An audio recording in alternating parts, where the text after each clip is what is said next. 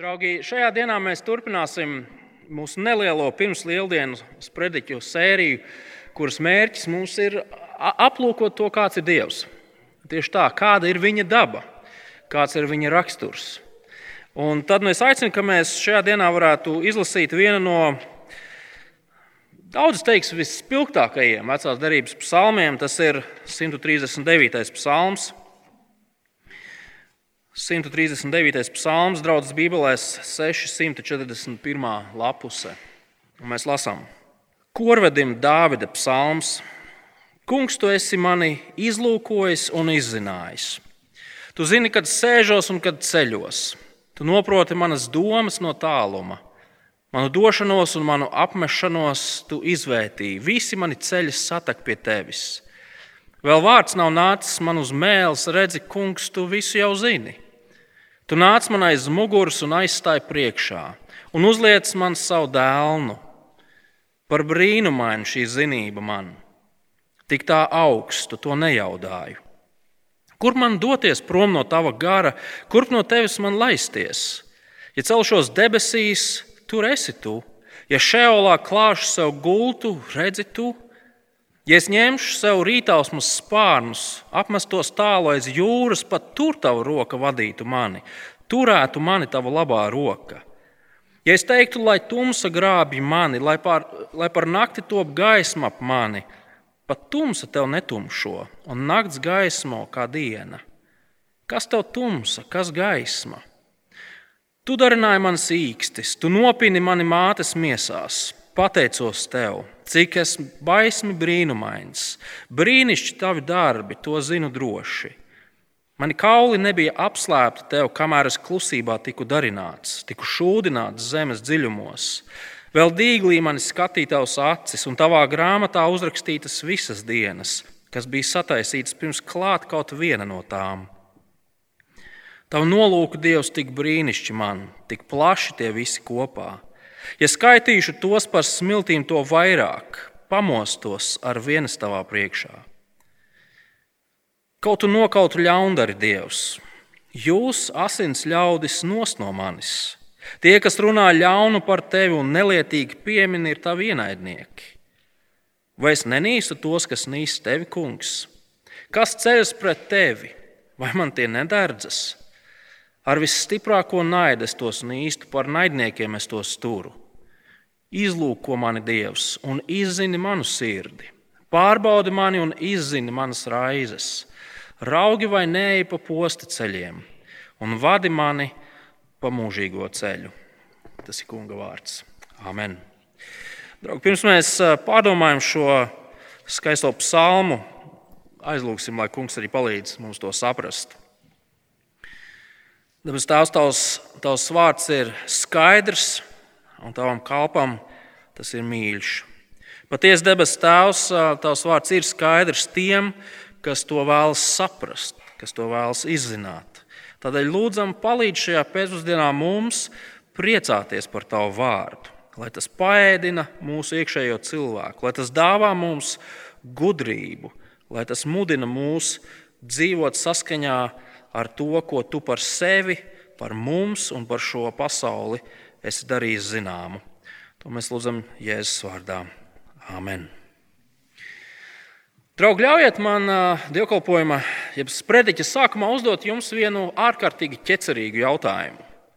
Ja jūs Dievā varētu izmainīt vienu lietu, ko jūs viņā izmainītu? Ziniet, ja jūs šo jautājumu uzdot cilvēkiem tepat uz ielas, Āgānskalnā vai, vai nezinu, darba kolektīvā, tad cilvēki visticamāk, nedaudz padomājot par šo jautājumu, teikt, nu, Dievs varētu būt taisnīgāks, Dievs varētu būt konsekventāks, Dievs varētu būt labāks, Dievs varētu būt uh, mīlošāks, Dievs varētu būt varenāks vai spēcīgāks, Dievs varētu būt ātrāks, kaut kā lēni viņš rīkojās šajā pasaulē. Bet, ja es jums, kristieši, uzdot šo jautājumu, ja jūs varētu Dievā izmainīt vienu lietu, ko jūs viņā izmainītu? Šis ir ķecerīgs jautājums, un es ceru, ka mēs visi unisonā varētu uz šo jautājumu atbildēt, es Dievā negribu mainīt absolūti neko. Viņš ir perfekts, viņš ir pilnīgs, viņš ir nevainojams.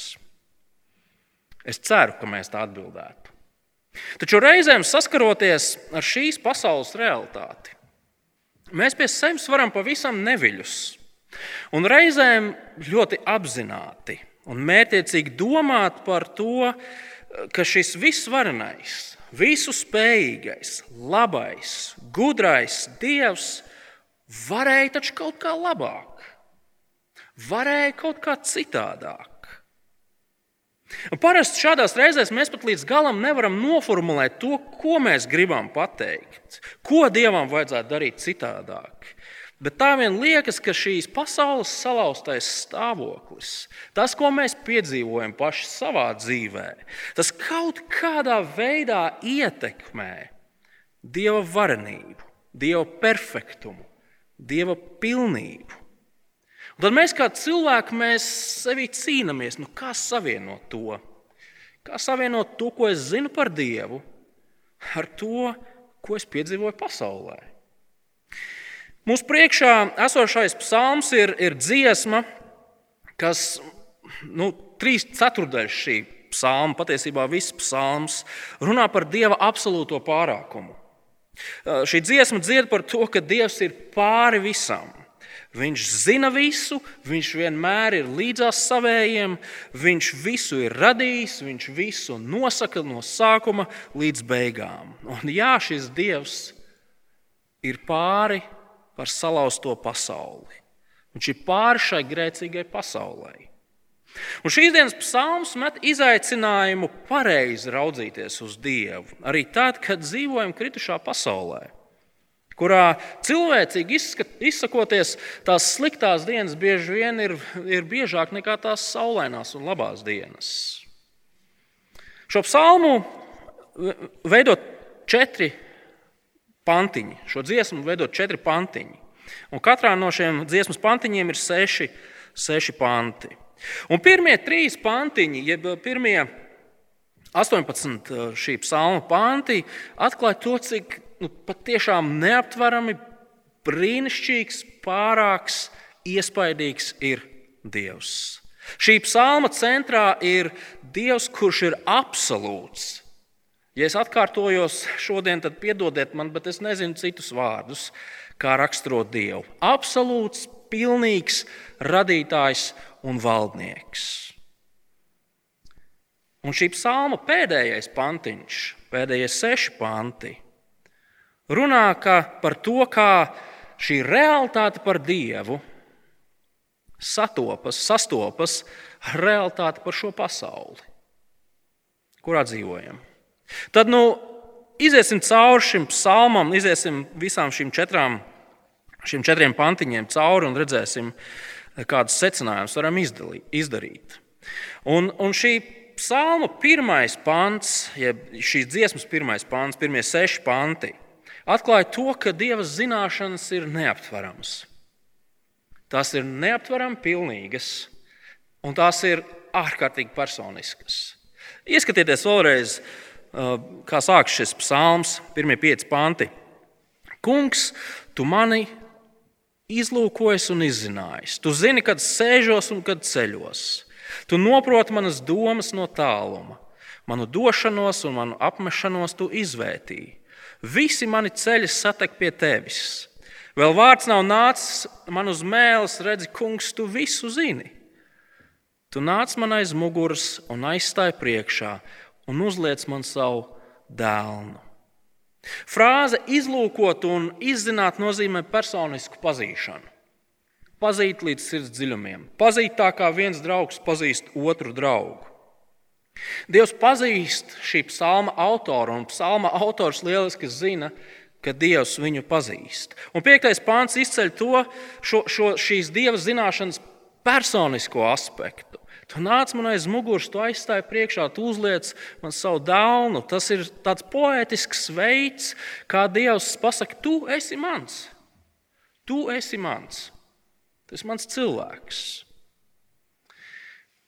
Šis psalms māca Šie pirmie panti māca, ka Dievs pazīst tik vienu cilvēku. Ne tikai šī psalma autoru. Dievs zina visu, kas ar mums notiek. Viņš zina visas mūsu dienas gaitas. Kad sēžamies, kad ceļamies, Dievs to zina. Viņš zina pagātni, viņš zina tagadni, viņš zina nākotni.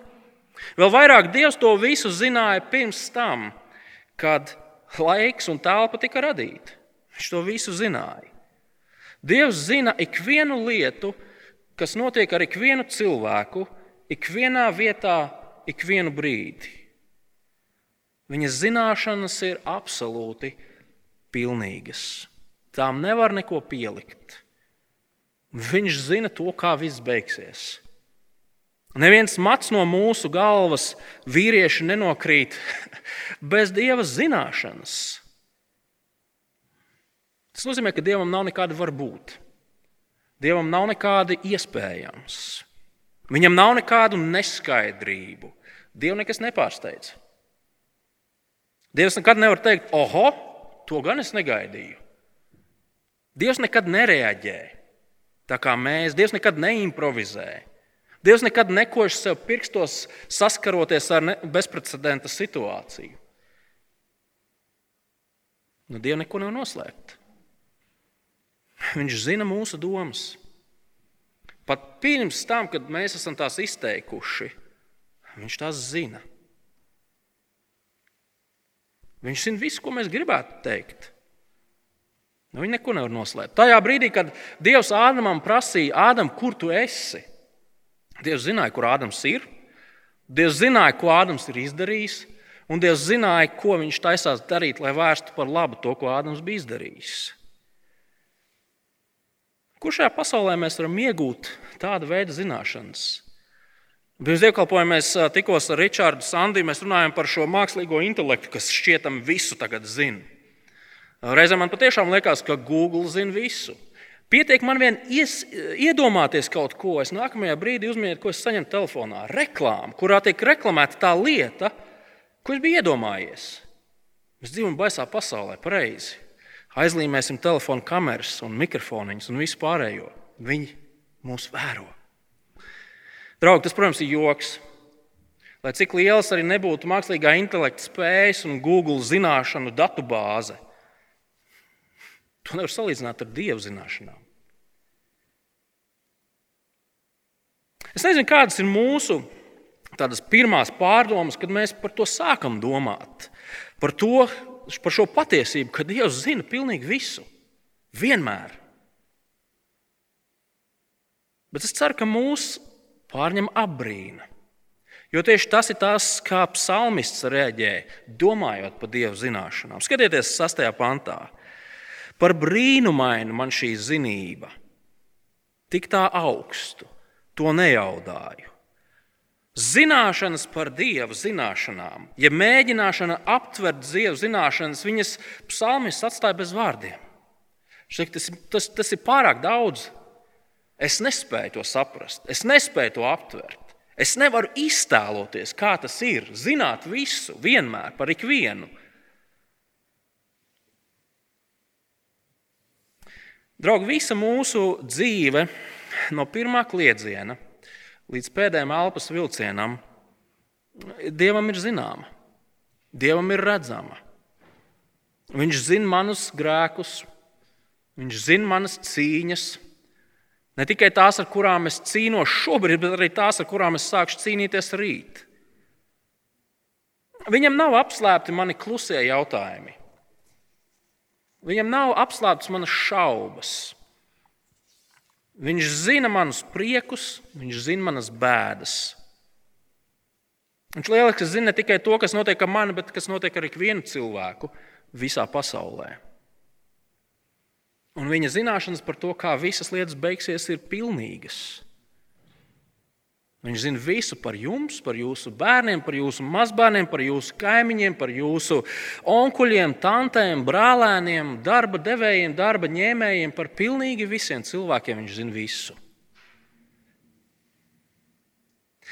Reizēm mēs kā cilvēki ilgojamies, kaut mums dzīvē būtu kāds, kurš mūs varētu saprast kurš zinātu to, kā mēs patiešām jūtamies. Draugi, nemeklējiet vairāk. Dievs zina. Dievs zina, kā jūs jūtaties. Vienmēr. Viņš zina, ko jūs patiesībā domājat. Nopietni, jūs viņu nepārsteigsiet. Dievs zina arī to, ko mēs nespējam noformulēt un ko mēs paši nezinām. Dievs zina visu. Tas ir tas, kā šis psalms sākās.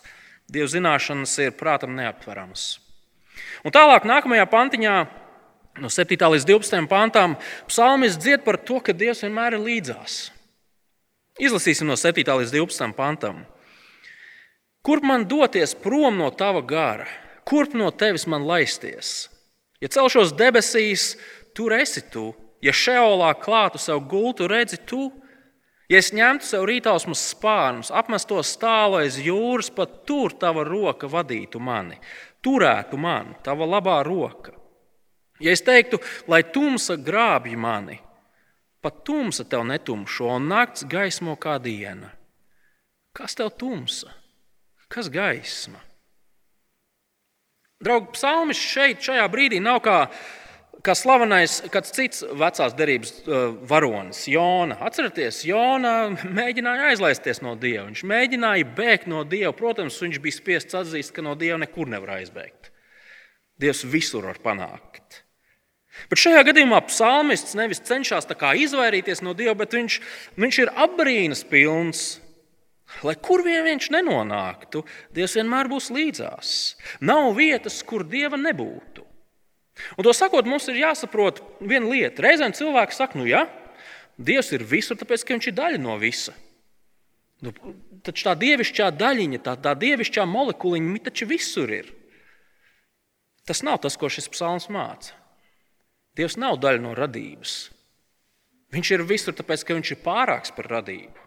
Viņš ir radītājs, kurš visu ir veidojis. Un kā radītājs viņš pilnīgi visu pārauga. Viņš ir klātesošs visos notikumos.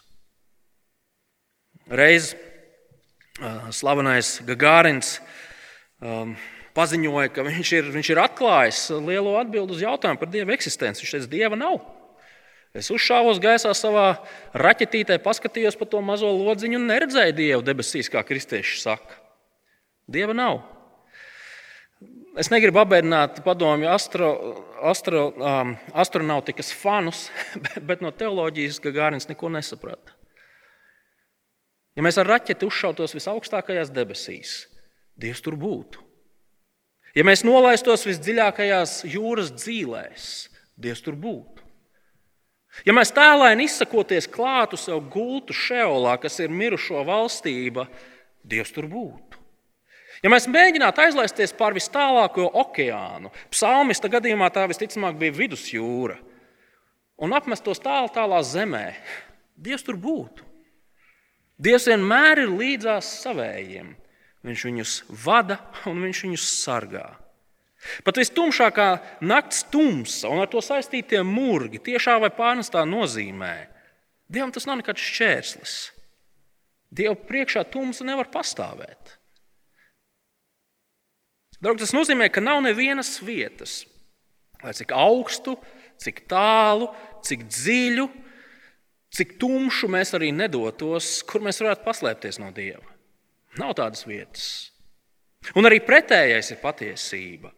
Nav neviena vieta, lai cik tāla, dziļa, tumša, biedējoša, kur Dievs nevarētu būt mums līdzās, lai mūs sargātu, lai mūs vadītu. Dievs zina to, kā mums iet, un Viņš ir līdzās. Viņš ir mums līdzās, kad mēs lejam prieka asaras, un Viņš mums ir līdzās tad, kad mēs acis esam izraudājuši no bēdām. Viņš mums ir līdzās, kad mēs uzsākam jaunu dzīves posmu, kad esam izdarījuši nopietnos lēmumus. Dievs ir līdzās. Viņš mums ir līdzās, kad mēs cenšamies dzīvot paklausībā Viņam. Gan tad, kad mums sanāk, gan tad, kad mums nesanāk, viņš ir līdzās. Dievs mums ir līdzās skolā, universitātē, tehnikumā, darbā, bezdarbā, ģimenē, atpūtā, miegā. Dievs ir līdzās savējiem. Un, draugi, tā nav tāda banāla ideja. Ne šiem vārdiem patiesībā mūsos ir, ir jāiedvež drosme, prieks, pateicība, mierinājums.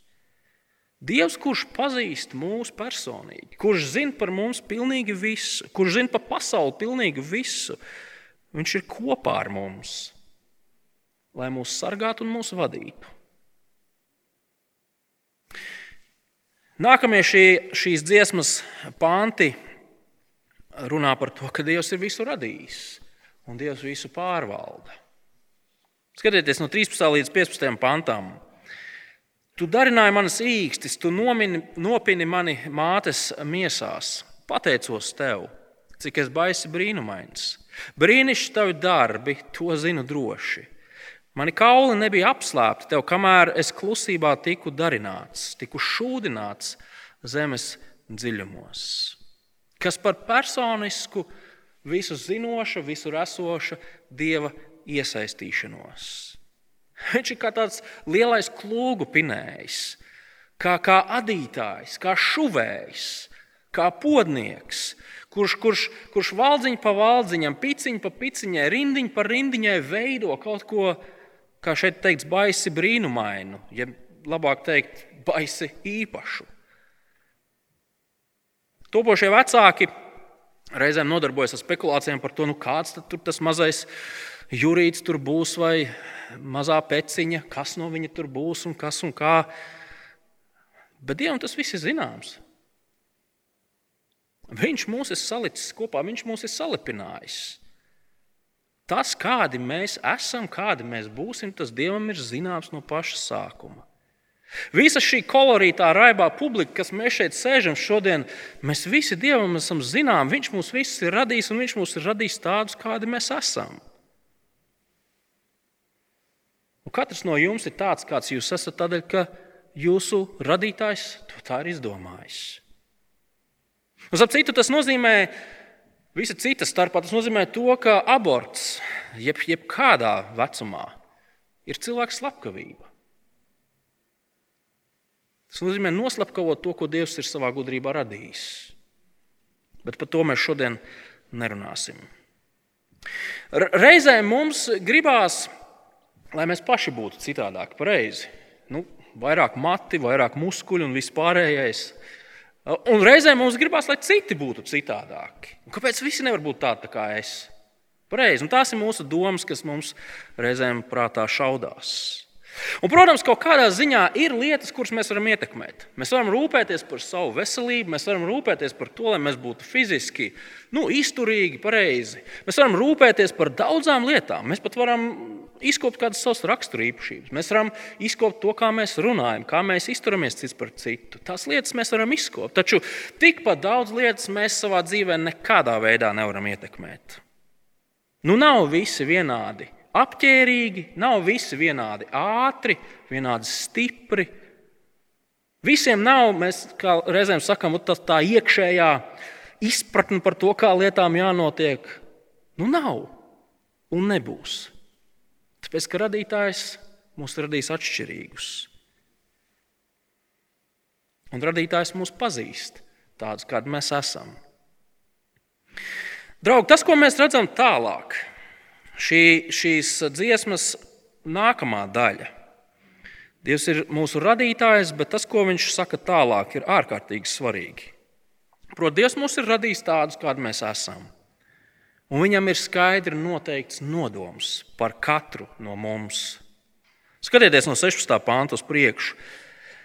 Vēl dīglī mani skatīja tavas acis, un tavā grāmatā uzrakstītas visas dienas, kas bija sataisīts pirms klāt kaut viena no tām. Tavi nolūki, Dievs, ir tik brīnišķīgi man, tik plaši tie visi kopā. Ja saskaitīšu tos par smiltīm, to vairāk. Pamostos ar vienu es tavā priekšā. Jau tajā brīdī, kad ultrasonogrāfijā mātes miesās var ieraudzīt to mazo ķibulīti, knibucīti, to, to ķiņķēziņu, to cilvēciņu, Dievs savā grāmatā ir skaidri ierakstījis šī cilvēciņa pilnīgi visas dienas, no pirmās līdz pēdējai. Visu, kas ar šo cilvēciņu notiks, Dievs ir ierakstījis savā grāmatā no sākuma līdz beigām. Brāļi un māsas, tie, kas jūs esat gados vecāki, jūs atskatāties uz savu dzīvi. Un pilnīgi viss, kas jūsu dzīvē ir noticis, ir noticis saskaņā ar Dieva sarakstīto grāmatu, ko Viņš ir sarakstījis par jūsu dzīvi. Jaunieši, ik viena lieta, kas ar jums notiks, nākamos 30, 40, 50, 60, 70 gadus, nebūs nejaušība, bet gan Dieva labais nodoms, ko Viņš savā grāmatā jau tagad ir ierakstījis par jums. Un, draugi, te nav runa tikai par labo vienu. Pilnīgi viss, kas ar mums notiek. Labais, sliktais, saprotamais, nesaprotamais, tas viss ir daļa no Dieva nolūka. Daļa no Dieva grāmatas, kura ritinās nodaļa pēc nodaļas mums dzīvojot šo dzīvi. Dievs ir noteicis to, kā mēs pavadīsim šo dzīvi uz šīs zemes. Un Dievs ir noteicis to, cik ilgi mēs dzīvosim uz šīs zemes. Un Dievs ir noteicis to, kas piepildīs to laiku, ko mēs dzīvosim uz šīs zemes. Tas ir tas, ko mēs lasām par Dievu. Psalmists atklāja tieši šādu Dievu. Un jo vairāk mēs par to domājam, jo vairāk mēs saprotam, es nesaprotu. Tas ir pāri manam prātam. Un tā mēs esam aicināti dzīvot šo dzīvi, mēs esam aicināti strādāt, ceļot, rūpēties par saviem līdzcilvēkiem, kopt viens otru vecumdienās. Um, mēs esam aicināti kalpot Dievam. Un vienlaikus mēs esam aicināti to visu darīt ar drošu apziņu, ka nekas, absolūti nekas mūsu dzīvē nenotiek tāpat vien, nejaušības pēc. Nē, ikvienam notikumam, ikvienam pavērsienam, ikvienai asarai, ikvienai cīņai, ikvienam mirklim ir nozīme Dieva nospraustajā plānā. Reizēm, runājot par savu dzīvi, ļoti reti, ļoti reti būs tie brīži, kad es savā dzīvē teikšu, ah, es tagad sapratu. Man kaut kas salīmējās. Es, es pēkšņi ieraudzīju, ko Dievs gribēja paveikt. Bet daudz biežāk, manā dzīvē, gan vienmēr, man nebūs saprotams tas, ko Dievs dara ko, ko, ko, ko, kur Dievs mani ved. Nu, tā līdz galam. Kāpēc ar mani notiek tas, kas ar mani notiek? Es nezinu. Es nezināšu. Bet arī šajās reizēs, kad es nezinu un nesaprotu, es esmu aicināts būt pārliecināts un drošs par to, ka aiz tā visa atrodas absolūti perfekts, pilnīgs, nevainojams, visu zinošs, vienmēr klāt esošs, visu nosakošs Dievs. Psalmis dzied par lielu, par milzīgu, par varenu, par nemainīgu Dievu, kurš ir absolūti suverēns, kurš ir, kurš ir pāri visam, kurš zina visu, kurš vienmēr saviem ļaudīm ir līdzās, kurš visai savai radībai ir līdzās, kurš dod dzīvību, kurš kontrolē vienu cilvēku dzīves mirkli, vienmēr, visur. Kā ir ar to ķecerīgo jautājumu, ko es uzdevu pašā sākumā? Ja mēs redzam, ka mūsu dievs ir šāds, mēs skaidri redzam, ka mūsu dievam neko nevajag mainīt. Viņu nevajag uzlabot, viņu nevajag pilnveidot. Viņš ir perfekts. Viņā nav nekāda trūkuma. Lūk, kādu dievu, kāds, kādu sevi Dievs mums atklāja caur savu vārdu. Lūk, kādam dievam mēs kā kristieši esam aicināti ticēt. Dievs ir pilnīgs, pāri visam esošs, visādā ziņā. Kad runājam par, piemēram, par savu glābšanu, mūs var glābt tikai un vienīgi šāds Dievs. Kad runājam par, par drošību un par mūsu nākotni, draugi, to var dot tikai šāds Dievs. Tad, kad mēs griežamies pie Dieva savā lūkšanā, mēs griežamies pie šāda Dieva savā lūkšanā. pie liela, varana, iespaidīga dieva, kurš ir pāri visam. Tā ir realitāte. Un tas mūs novada pie šī psalma pēdējā, pēdējās daļas, pie nobeiguma.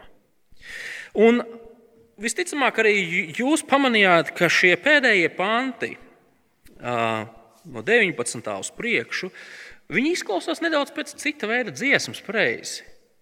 Viņi izklausās pēc, pēc pirmdienas, atgriešanās darbā pēc brīnišķīga vasaras atvaļinājuma.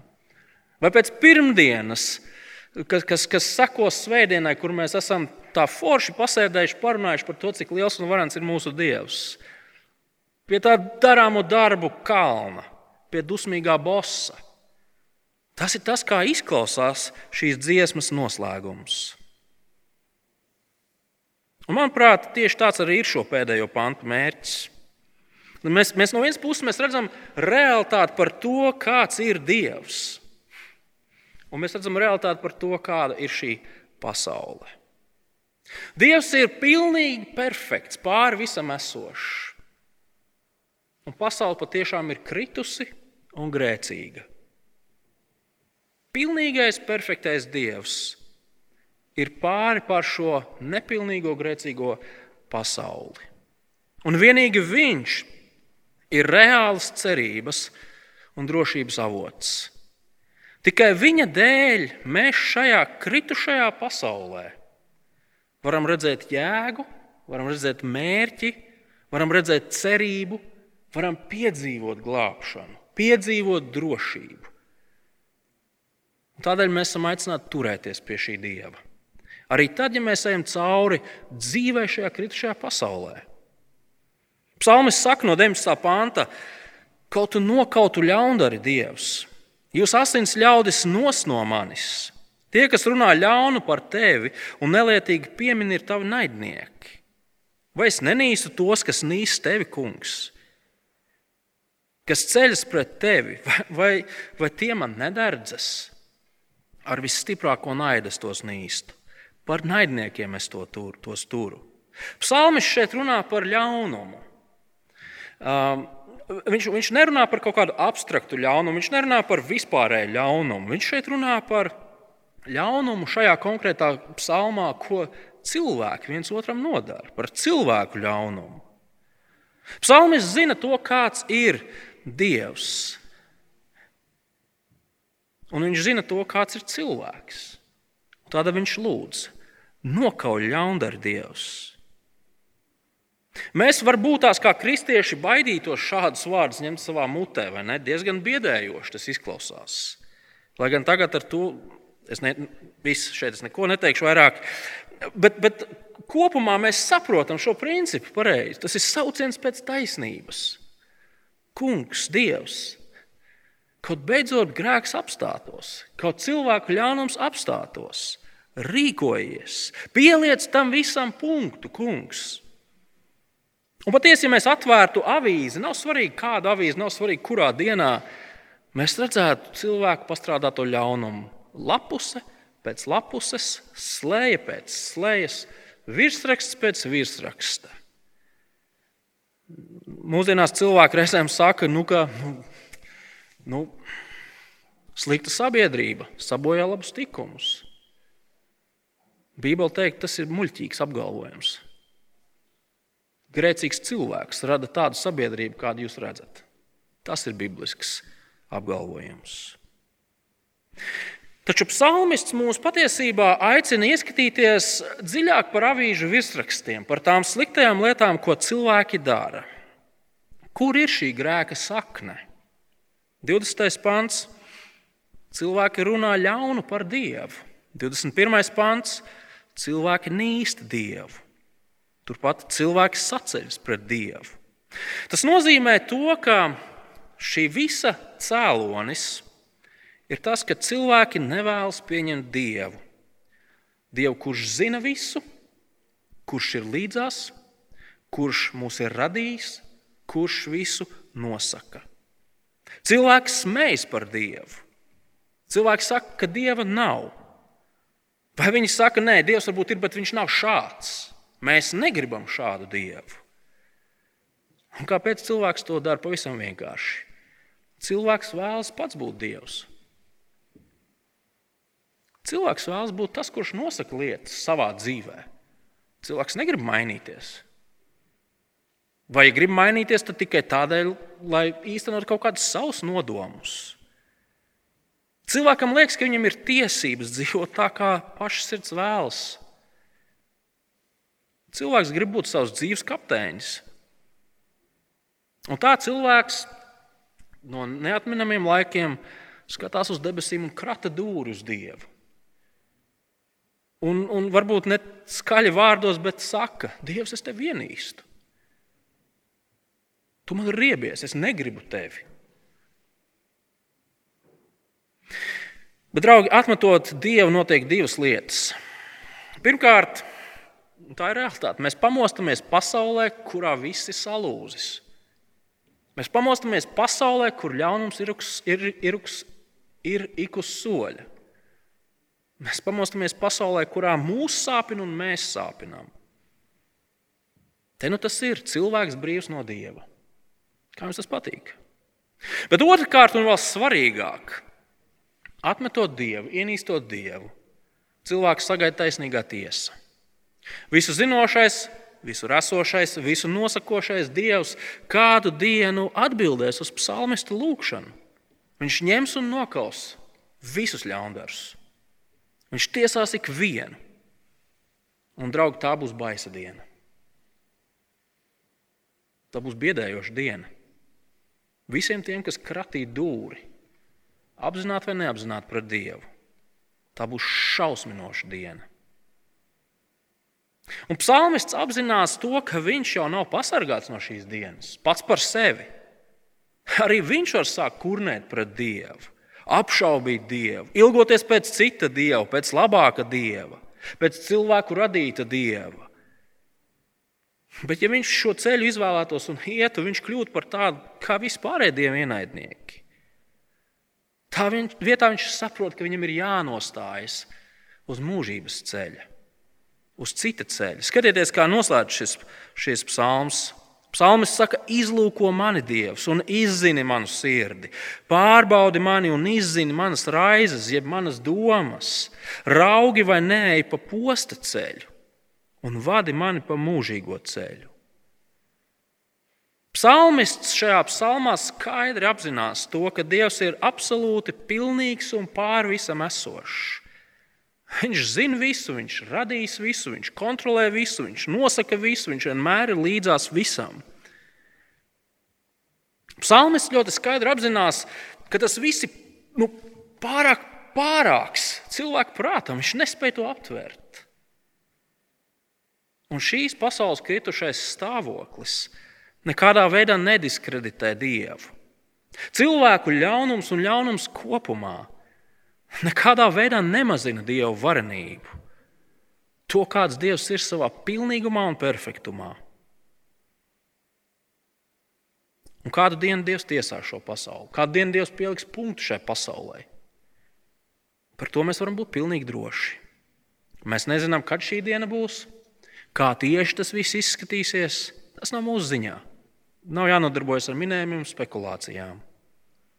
Bet līdz tai dienai Mēs dzīvojot šajā realitātē, kas ir kritusi, grēcīga, nesaprotama, mēs esam aicināti ticēt un turēties pie Dieva, kurš arī ir nesaprotams, līdz galam nesaprotams, tāpēc ka Viņš ir varens, visu zinošs, visu spējīgs, visur esošs, visu nosakošs. Bet, draugi, daudzajā ziņā mēs esam vēl privileģētāki nekā šis psalmis, kurš dzied par Dievu. Redziet, Dievs, par kuru psalmis šeit dzied, viņš ienāca cilvēces vēsturē. Viņš nāca, lai dāvātu glābšanu un grēku piedošanu grēciniekiem, kas klīst pa šo tumšo, kritušo pasauli. Viņš nāca, lai samaksātu par mūsu sacelšanos pret Dievu. Viņš nāca, lai mūs noliktu, ja gribat, uz mūžības ceļa, uz mūžīgās dzīvības ceļa. Mēs paši to nevarētu izdarīt. Viņš izdarīja to mūsu labā. Apstults Jānis savā evanģēlijā visiespējams vis visslavenākajā pantā raksta, jo Dievs tā pasauli mīlēja, kad deva savu vienpiedzimušo dēlu, lai ik viens, kas viņam tic, nepazustu, bet tam būtu mūžīgā dzīvība. Un šis pats Dievs ir tas, kurš ir solījis būt ar saviem ļaudīm vienmēr, visur, gan priekos, gan bēdās. Šis ir tas pats Dievs, kurš mūs katru pazīst personiski. Viņš zina, kas ar mums notiek, kas ar mums notiks. Šis ir tas pats Dievs, kurš pilnībā pārauga mūsu dzīvi. Mēs nesaprotam, kas ar mūsu dzīvi notiek. Viņš zina. Pat tās lietas, kuras uzskatām par pārbaudījumiem, grūtībām, ciešanām, patiesībā ir Dieva izkārtotas, Dieva ieplānotas. Un to mērķis ir mūs mācīt, mūs mīcīt, mūs veidot. Un tām visām mērķis ir viens - mūs sagatavot un aizvest līdz galam. Kad nevainojami stāsimies šī pilnīgā Dieva priekšā, pasaulē, kur Viņš būs jaunradījis, pasaulē, kas nebūs kritusi, kas nebūs grēcīga, lai mūžam būtu kopā ar viņu. Tad, draugi, kad viss ir pateikts un izdarīts, mēs esam aicināti šajā realitātē, kurā mēs dzīvojam, redzēt un saprast, ka realitāte ir daudz lielāka un plašāka. Ka Dievs, kuram mēs ticam, ir daudz lielāks un varenāks, un Viņš ir pāri visam. Lai kas arī ar mums nenotiktu, lai kādi trakumi nepārņemtu šo pasauli, Dievs ir nemainīgs. Viņš visu zina, Viņš visu pārauga, viņš visu kontrolē. Zināsim to, kāds ir mūsu Dievs, pazīsim mūsu Dievu un turpināsim uzticēties Viņam. Jo tikai tā mēs varam reāli dzīvot ar cerību un drošību šajā kritušajā pasaulē. Citu alternatīvu nav.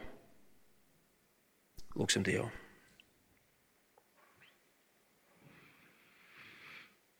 Dabas tās patiesi. Bieži vien domājot par tevi, mums ir vairāk jautājumu nekā atbildes. Un arī šis psalmists nonāk pie secinājuma, ka tu esi prātam neaptverams. Dabas Tēvs, mēs lūdzam, lai tas, ko mēs par tevi zinām, mūs paceļ prieka spārnos. Un tas, ko mēs par tevi nezinām, lai tas mūs neliek par tevi šaubīties. Dabas Tēvs, tu esi varants radītājs. Tu mūs patiesi zini, pazīsti. Tu esi noteicis mūsu dzīvēm, mūsu gaitu. Dod, ka tajā mēs varētu smelties prieku, pateicību, drošību un reālu cerību. Kungs, mēs pateicamies par Jēzu Kristu, kurš nāca šajā pasaulē, lai uzvarētu grēku, lai samaksātu par grēku, lai uzvarētu nāvi. Un tādējādi ikvienam, kas viņam tic, dāvāt mūžīgo cerību nolikt uz šī mūžīgā ceļa, kas neved uz postu un pazušanu, bet kas ved uz debesu valstību, kur mēs būsim kopā ar tevi. Un dod, ka mēs šīs lietas varētu bezbailīgi sludināt citiem cilvēkiem. Visiem tiem, kas ir mums līdzās, kas klīst pa tumsu, kas apzināti vai neapzināti, bet vicina dūri pret tevi. Tēvs glāb daudzus, jo daudzus šīs tumšās pasaules iemītniekus dāvā žēlstību, dod mums drosmi, sakot tev, un aicināt arī citus sakot tev. Lūdzam, Jēzus vārdā. Amen!